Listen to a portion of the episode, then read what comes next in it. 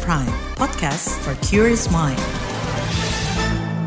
Halo saudara, selamat sore. Senang sekali bisa menyapa Anda kembali melalui program KBR Sore edisi 6 April 2023. Saya Malika kembali menemani Anda selama kurang lebih 30 menit ke depan. Saudara, kasus-kasus intoleran masih kerap terjadi di tanah air. Kasus terakhir misalnya soal penutupan patung Bunda Maria menggunakan terpal di desa Bumi Rejo, Kulon Progo, Yogyakarta. Penutupan itu menyusul permintaan sekelompok orang dari organisasi masyarakat yang berafiliasi dengan partai politik Islam. Alasannya, patung Bunda Maria berukuran besar di rumah doa itu mengganggu kehusyuan ibadah puasa umat Muslim. Kasus intoleran lain terjadi di Purwakarta, Jawa Barat. Penyegelan Gereja Kristen Protestan Simalungun GKPS Purwakarta dilakukan Bupati Ane Ratna Mustika. Alasan penyegelan karena bangunan gereja itu tidak mengantongi izin. Nah, di tengah maraknya kasus-kasus intoleran, pemerintah Kabupaten Lumajang, Jawa Timur justru menelurkan kebijakan yang dinilai lebih toleran. Apa dan bagaimana kebijakan itu? Selengkapnya kita bahas di KBR sore.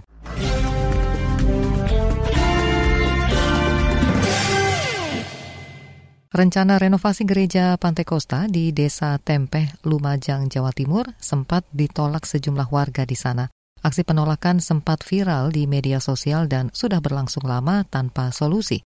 Pasca penolakan Bupati Lumajang Tori Kulhak akhirnya mengizinkan renovasi gereja Pantai Kosta dilanjutkan, namun fungsinya hanya sebagai rumah tinggal pendeta saja, tidak disulap menjadi gereja. Sedangkan untuk para jemaah gereja Pantai Kosta, Cak Torik, begitu Bupati Lumajang akrab disapa, akan membangun gereja di lahan milik pemerintah kabupaten. Ya jadi soal uh, gereja yang di Tempe Tengah, saya ingin sampaikan bahwa proses perizinannya sudah sesuai dengan undang-undang, sesuai dengan aturan. Kemudian pembangunan gereja itu adalah solusi dari persoalan sebelumnya yang kita akomodir, yang kita bahas, kita musyawarahkan di jajaran Forkopimda, FKUB, dan juga eh, Majelis Kode Etik Kerukunan Umat Beragama yang langsung saya pimpin. Semua berpendapat, Majelis Ulama Indonesia berpendapat, tokoh-tokoh agama, pimpinan uh, gereja.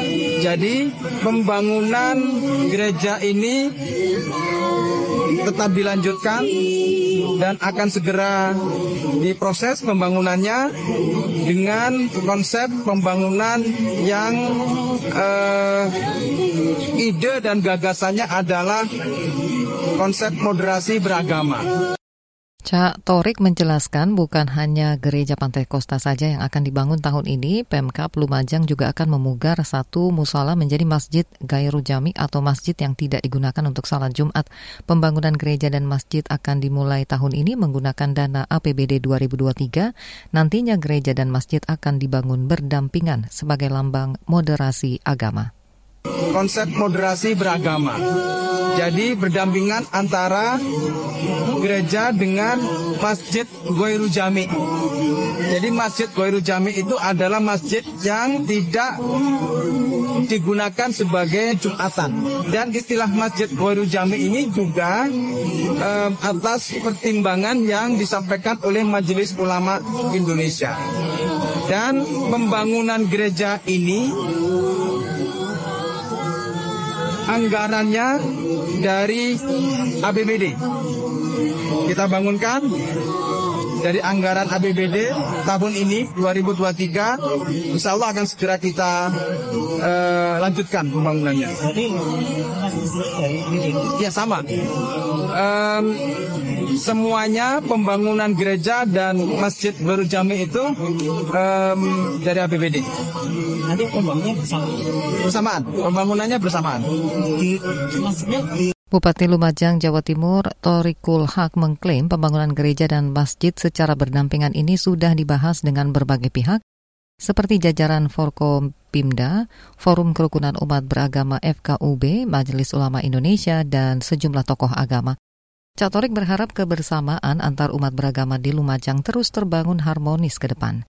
Saudara angka toleransi dan kerukunan umat beragama di Jawa Timur terbilang cukup tinggi dibanding daerah lain di Indonesia. Menurut Gubernur Jawa Timur Hovifah Indar Parawansa, indeks kerukunan umat beragama di sana mencapai 77,8 atau tertinggi di Indonesia.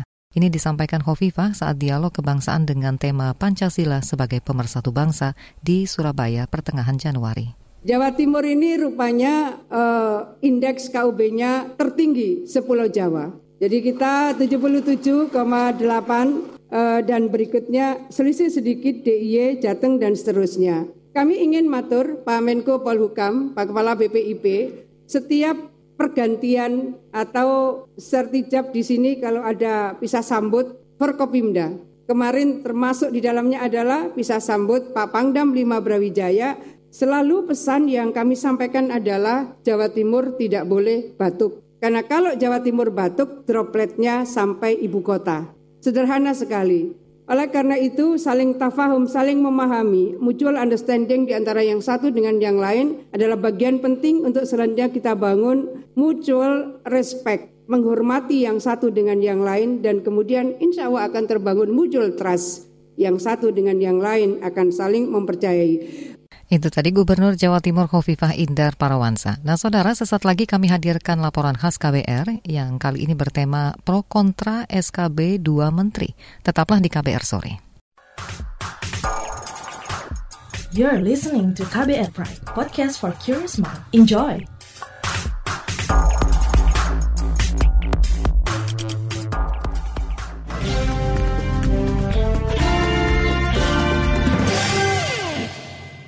Isu penolakan pendirian rumah ibadah kerap menyentuh pro kontra peraturan bersama Menteri tentang pendirian rumah ibadah atau yang dikenal sebagai SKB 2 Menteri. Meski banyak desakan agar SKB 2 Menteri dicabut, namun pemerintah masih mempertahankan aturan itu. Berikut laporan khas KBR disusun jurnalis Siti Sadida. Kementerian Dalam Negeri Kemendagri menyatakan belum ada kebutuhan mendesak untuk mengevaluasi atau mencabut peraturan bersama Menteri Agama dan Menteri Dalam Negeri terkait syarat pendirian rumah ibadah atau SKB dua menteri. Sekretaris Jenderal Kemendagri, Suhajar Diantoro mengakui ada sejumlah pihak meminta pemerintah mengkaji ulang peraturan tersebut. Negara menjamin kemerdekaan setiap orang memeluk agamanya, agamanya masing-masing dan untuk beribadat menurut agamanya dan kepercayaannya itu. Itu yang berulang-ulang ditekankan oleh Bapak Presiden setiap pertemuan kita semua, bukan hanya di FKUB tapi di semua kegiatan-kegiatan kemasyarakatan. Kenapa? Karena betapa pentingnya hal ini. Dorongan untuk memberikan jaminan kebebasan beragama dan beribadah sempat disampaikan Presiden Joko Widodo pertengahan Januari 2023.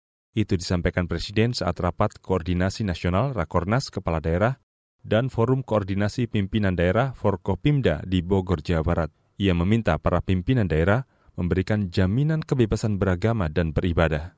Konstitusi tidak boleh kalah dengan kesepakatan. Ada rapat FKUB misalnya, ini misalnya, maka tidak memperbolehkan membangun tempat ibadah. Hati-hati loh, konstitusi kita hati-hati loh. Menjamin itu, ada peraturan wali kota, atau ada instruksi bupati. Hati-hati loh, kita semua harus tahu masalah ini. Konstitusi kita itu memberikan kebebasan beragama dan beribadah.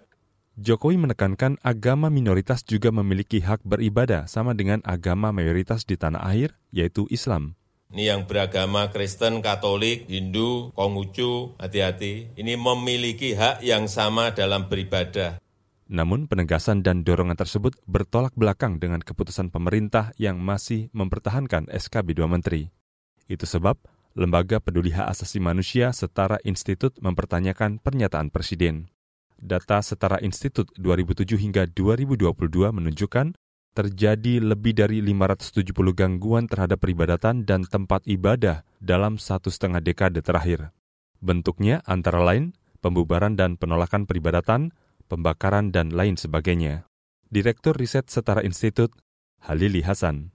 Kalau negara kekeh mempertahankan BBM dari sisi substansi itu, menurut saya itu bentuk arogansi negara untuk menyangkal terjadinya begitu banyak pelanggaran dan pembatasan terhadap kelompok minoritas itu. Yang lain selain persoalan substansi adalah persoalan mekanisme pengaturan. Apakah PBM itu cukup memadai untuk mengatur terjadinya pembatasan Ya jelas tidak.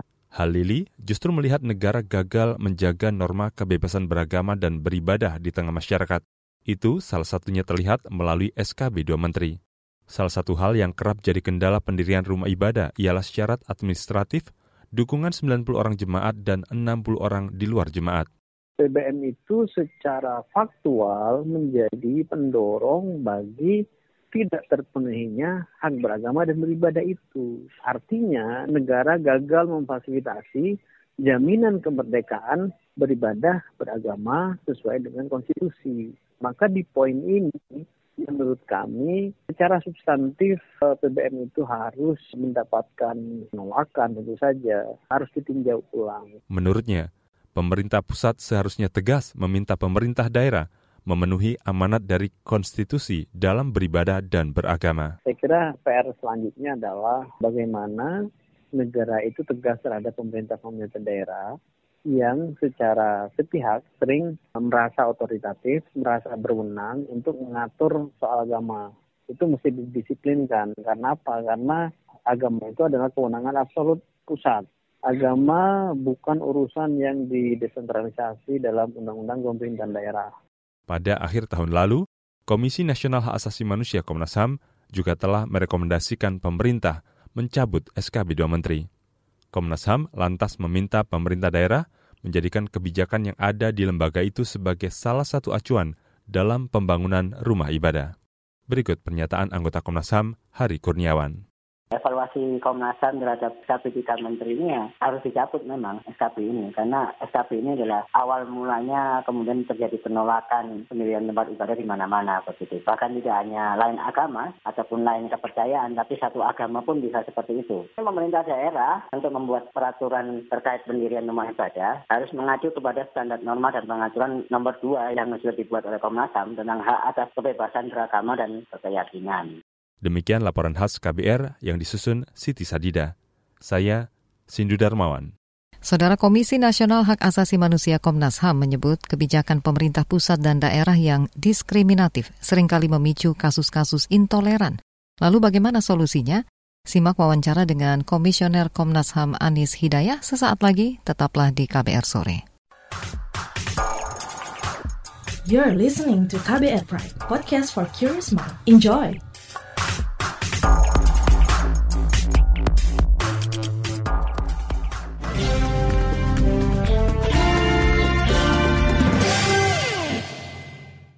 Saudara kita lanjutkan kembali kebersamaan di KBR sore.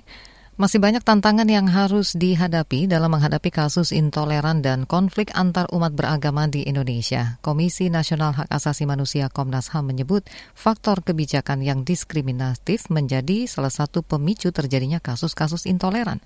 Selengkapnya kita simak wawancara jurnalis KBR Syafira Aurelia dengan Komisioner Komnas HAM Anis Hidayah. Toleransi beragama masih bermasalah di Indonesia. Terakhir ada polemik gereja disegel Pemkap di Purwakarta dan penutupan patung Bunda Maria di Kulon Progo. Apa pendapat dari Komnas HAM terkait permasalahan toleransi ini? Iya, jadi memang uh, kita ya masih menghadapi banyak tantangan dalam toleransi uh, beragama di Indonesia uh, beberapa kasus menunjukkan uh, seperti uh, kasus di Purwakarta, kasus di Kulon Progo gitu ya, memperlihatkan bahwa uh, masih ada persoalan, masih ada PR yang perlu diselesaikan oleh uh, bangsa kita terkait dengan uh, bagaimana memastikan jaminan atas hak kebebasan beragama dan berkeyakinan ya, dan bagaimana terus mendorong agar toleransi itu uh, menjadi bagian dari peradaban uh, kita sehari-hari ya, terutama bagaimana menyikapi perbedaan uh, apa dalam beragama dan lain-lain. Apa yang menjadi penyebab atau akar dari permasalahan penyebab intoleransi ini? Uh, tentu faktornya uh, tidak satu gitu ya, tetapi ada beberapa faktor. Pertama uh, soal kebijakan ya, kan masih ada beberapa kebijakan yang uh, diskriminatif terhadap kelompok, terhadap kelompok uh, tertentu ya, agama minoritas tertentu di Indonesia gitu ya, sehingga ini juga menjadi salah satu uh, faktor gitu. Uh, kemudian hal lain juga soal uh, bagaimana um, perspektif paradigma beragama kita yang sebagian besar masyarakat kita itu masih memiliki fanatisme ya pada agama tertentu gitu. Dan belum bisa menerima keberagaman gitu. Sehingga ini juga masih menjadi uh, salah satu uh, tantangan kita ke depan bagaimana terus mendorong uh, paradigma uh, perspektif uh, keberagaman uh, menghormati uh, perbedaan gitu ya. Uh, dan uh, bagaimana Indonesia itu bineka dari sisi agama ini kan uh, juga um, belum menjadi pengetahuan uh, semua elemen bangsa ini gitu. Bagaimana upaya yang harus dilakukan oleh pemerintah dan Komnas HAM terkait dengan masalah toleransi beragama di Indonesia? Bahwa pendidikan tentang toleransi ini kan masih minimal gitu ya. Uh, baik itu melalui pendidikan formal maupun non formal. Sehingga ini terus yang harus perlu diperkuat ke depan gitu. Yang kedua tentu kebijakan-kebijakan yang masih diskriminatif harus terus kita dorong untuk uh, dirubah gitu ya, harus ramah kepada semua kelompok agama dan lain-lain gitu. Sehingga ini uh, juga menjadi bagian yang tak terpisahkan bagaimana membangun toleransi itu dari dua uh, lini gitu ya, dari lini masyarakat tetapi juga dari lini pemerintah terutama dari aspek uh, kebijakannya gitu. Saya kira Komnas HAM menerima semua masukan kritikan uh, dari masyarakat ya soal bagaimana kami harusnya uh, merespon gitu ya bertindak cepat dan lain sebagainya. Tetapi tentu kami selama ini memang melakukan upaya-upaya uh, sesuai dengan mandat yang uh, kami miliki gitu. Karena Komnas HAM kan juga menangani perkara tidak hanya soal kebebasan beragama dan berkeyakinan gitu ya tetapi seluruh aspek hak asasi manusia gitu ya. Sehingga memang uh, itu cukup uh, luas gitu ya. Barangkali itu menjadi salah satu tantangan kami dan uh, saya kira ke depan uh, kami berharap agar uh, kami akan lebih uh, cepat, lebih baik ke depan dalam merespon isu-isu seperti ini. Uh, saya mengajak semua pihak um, uh, di momentum bulan Ramadan ini untuk uh, bagaimana lebih mengedepankan uh, penghormatan kepada uh, mereka yang berbeda gitu ya, uh, karena sesungguhnya Indonesia ini kan uh, sejak lahir gitu ya bangsa kita sejak lahir itu memiliki keberagaman termasuk keberagaman agama gitu sehingga sikap saling menghormati memang uh, dibutuhkan untuk membangun uh, satu lingkungan yang kondusif dalam menjalankan hak atas kebebasan beragama dan berkeyakinan di Indonesia. Saudara itu tadi Komisioner Komnas HAM Anis Hidayah dalam perbincangan bersama Syafira Aurelia. Di Indonesia ada 10 kota yang dinilai paling toleran ketimbang daerah lain berdasarkan hasil kajian Setara Institut. Salah satu upaya yang dilakukan oleh daerah-daerah tersebut antara lain dengan menjalankan program kerja yang mengedepankan toleransi. Seperti apa detailnya? Kita lanjutkan usai jeda. Tetaplah di KBR sore. You're listening to KBR Pride, podcast for curious mind. Enjoy.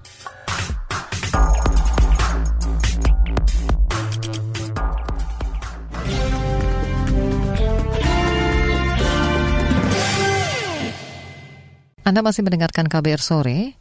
Saudara LSM Pemantau Keberagaman Setara Institut hari ini merilis indeks kota toleran IKT 2022.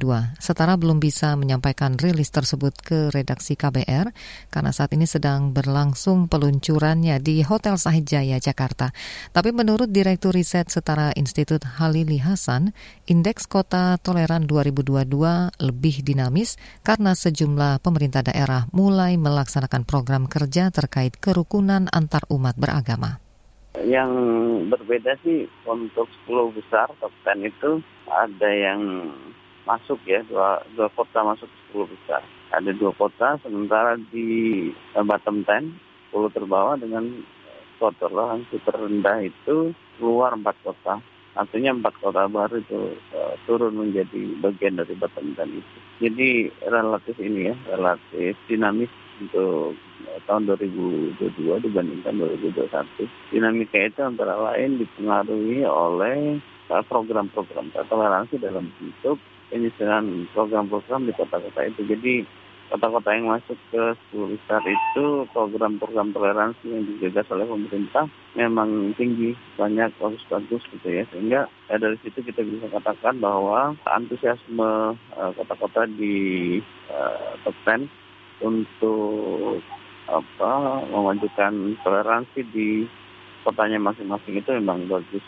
Uh, begitu juga dengan eh, kota-kota uh, yang pada tahun sebelumnya berada di uh, bottom ten, mereka cenderung uh, punya antusiasme yang juga tinggi untuk memperbaiki situasi di kotanya dan kemudian secara faktual menurut data mereka keluar dari 10 besar terbawah itu.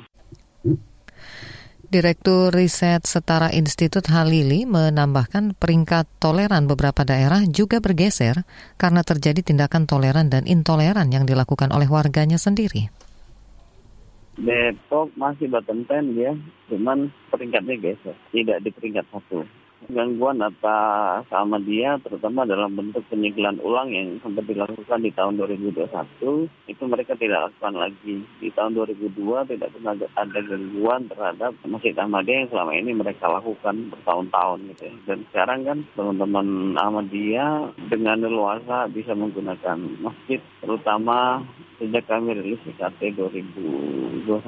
Singkawang masih di top 10 karena memang aktivitas Singkawang itu luar biasa. Mereka tidak hanya punya program yang di level pemerintah kota, tapi juga mereka memobilisasi dan alokasikan jumlah sumber daya yang signifikan untuk bisa meningkatkan dinamika masyarakat sipil di sana. Jadi soal toleransi itu kalau kecenderungan di banyak tempat dinamika masyarakat sipil itu biasanya bertumbuh dari inisiatif mereka masing-masing. Di Singkawang itu bahkan pemerintah kotanya mensupport dinamika masyarakat sipil yang lebih baik. Di samping aktivitas-aktivitas, program-program, kemudian RPCMD, RKP tahunan yang uh, memang menonjol ya dibanding kota-kota yang lain. Surakarta itu masih masuk sebagai salah satu apa top 10 gitu ya karena kalau kita cek variabel dan indikator itu kan memang IKP yang dirilis oleh sekarang yang dilakukan oleh sekarang memang variabel dan indikatornya itu cukup beragam ya dia bukan hanya soal peristiwa intoleransi. Apalagi kalau kemudian peristiwa intoleransi dibarengi dengan tindakan pemerintah yang progresif, itu pasti skornya akan tinggi.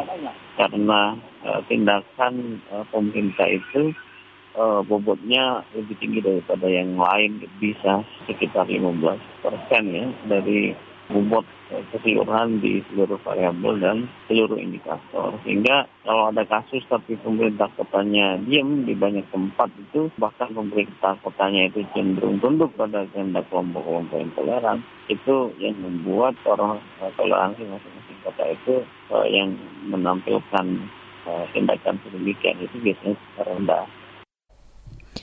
Direktur Riset Setara Institut Halili Hasan mendorong pemerintah pusat dan daerah melakukan sosialisasi surat keputusan bersama dua menteri tentang rumah ibadah, tujuannya agar dimaknai sebagai hak warga negara agar mendapatkan akses menunaikan ibadah sesuai agamanya. Melakukan sosialisasi tentang BBM ya, PBN dua menteri 2006 yang di level pusat pada umumnya itu kan sebenarnya tonnya adalah restriktif ya dan memberikan pembatasan untuk persyaratan ya bagi kelompok minoritas atau secara umum bagi siapa pun yang ingin mengajukan izin pendirian rumah ibadah. Tapi beberapa kota itu mempermudah dan mereka justru tidak ingin agar BBM yang sebenarnya restriktif aktif itu kemudian merestriksi. Mereka cenderung memfasilitasi. Misalnya untuk konteks, saya kasih contoh kasih ya. Kasih itu sampai melakukan apa sosialisasi kepada kecamatan-kecamatan, seluruh kecamatan di Kota Bekasi agar PBM itu tidak dimaknai dalam kerangka uh, restriksi, tapi dalam kerangka fasilitasi hak konstitusional warga negara di Kota Bekasi untuk uh, bisa menikmati akses yang adil atas pendirian rumah ibadah sebagai instrumen uh, pemenuhan hak peribadatan sesuai dengan jaminan konstitusi, terutama pasal 29 ayat 2 itu. Saudara penjelasan Direktur Riset Setara Institut Halili Hasan soal Indeks Kota Toleran IKT 2022 mengakhiri jumpa kita di KBR sore edisi Kamis 6 April 2023. Pantau selalu informasi terbaru melalui kbr.id, Twitter di akun @beritaKBR serta podcast di alamat kbrprime.id. Saya Malika bersama tim yang bertugas undur diri. Salam.